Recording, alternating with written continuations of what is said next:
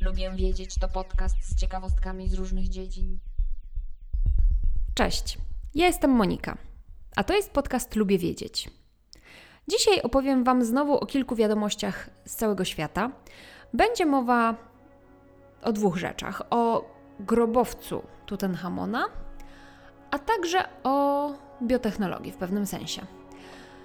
Jeśli taka tematyka Was interesuje, to zapraszam do słuchania dalej. Archeologowie za pomocą badania radarem odkryli duże prawdopodobieństwo istnienia ukrytych komnat obok grobowca Tutenchamona.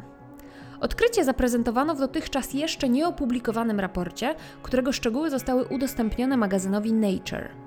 One budzą kontrowersyjną teorię, że miejsce pochówku młodego króla ukrywa istnienie większego grobowca, w którym mogła znajdować się tajemnicza egipska królowa Nefertiti.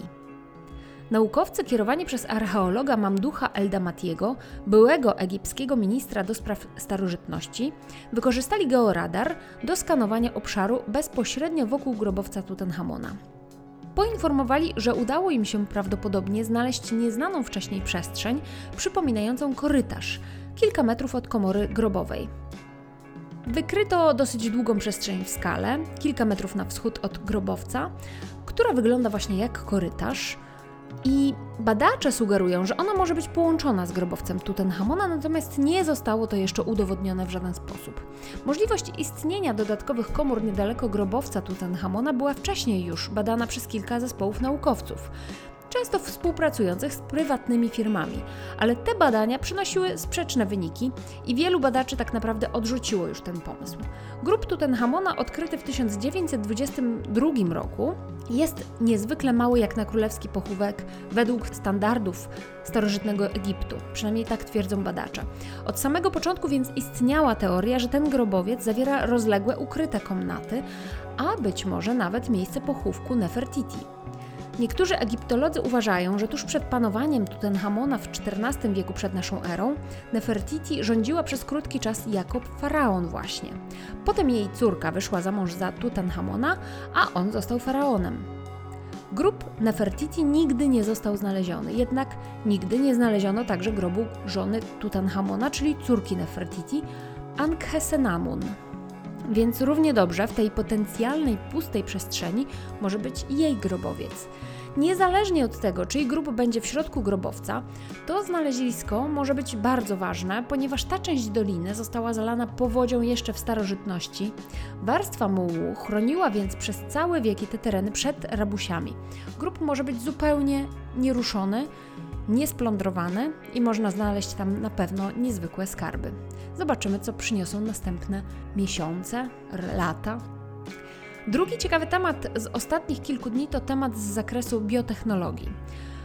Otóż sztuczna inteligencja dzięki maszynowemu uczeniu się zidentyfikowała nowe antybiotyki z puli ponad 100 milionów cząsteczek.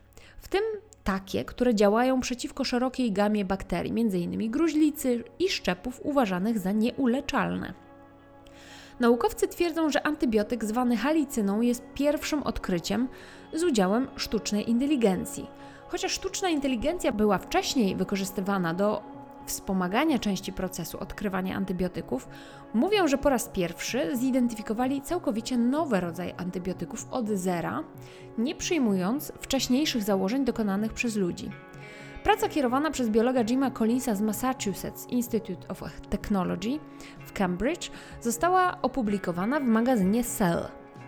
Zespół naukowców nie tylko zidentyfikował potencjalne antybiotyki, ale także sprawdził obiecujące cząsteczki w testach na zwierzętach.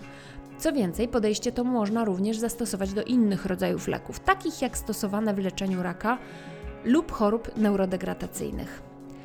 Collins i jego zespół opracowali sieć neuronową, algorytm sztucznej inteligencji inspirowany architekturą mózgu, który uczy się właściwości molekuł atom po atomie.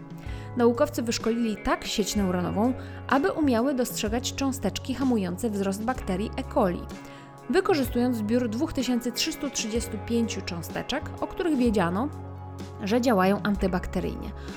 Obejmuje to bibliotekę około 300 zatwierdzonych antybiotyków, a także 800 naturalnych produktów ze źródeł roślinnych, zwierzęcych i mikrobiologicznych.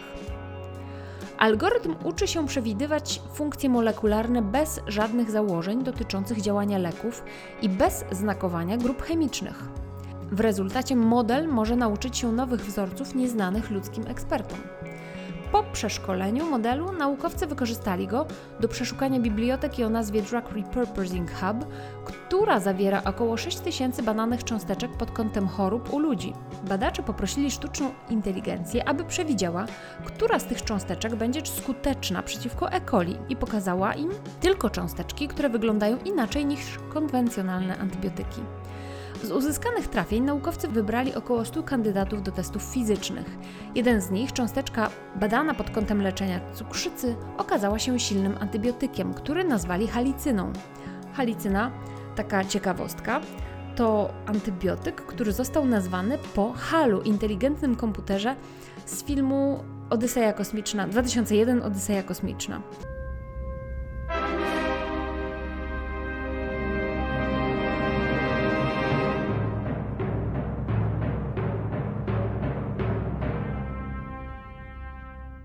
Testach na myszach cząsteczka halicyny była aktywna wobec szerokiego spektrum patogenów, w tym szczepu odpornego na obecne antybiotyki. I to tyle. Dziękuję za wysłuchanie kolejnego odcinka podcastu Lubię Wiedzieć. Jeśli Ty także lubisz wiedzieć, to subskrybuj mój podcast w swojej aplikacji, żeby nie przegapić kolejnego odcinka. Zajrzyj do notatek tego odcinka, bo tam zawsze zamieszczam linki do źródeł informacji. Możesz też polubić fanpage podcastu na Facebooku lub na Instagramie. W obu miejscach szukaj hasła Lubię Wiedzieć, bo tam zamieszczam dodatkowe nowinki. Możesz do mnie napisać także na adres lubiewiedzieć.małpainteria.pl Zapraszam też na mój drugi podcast Fiszkowa Kartoteka, w którym mówię o książkach. Do usłyszenia, cześć!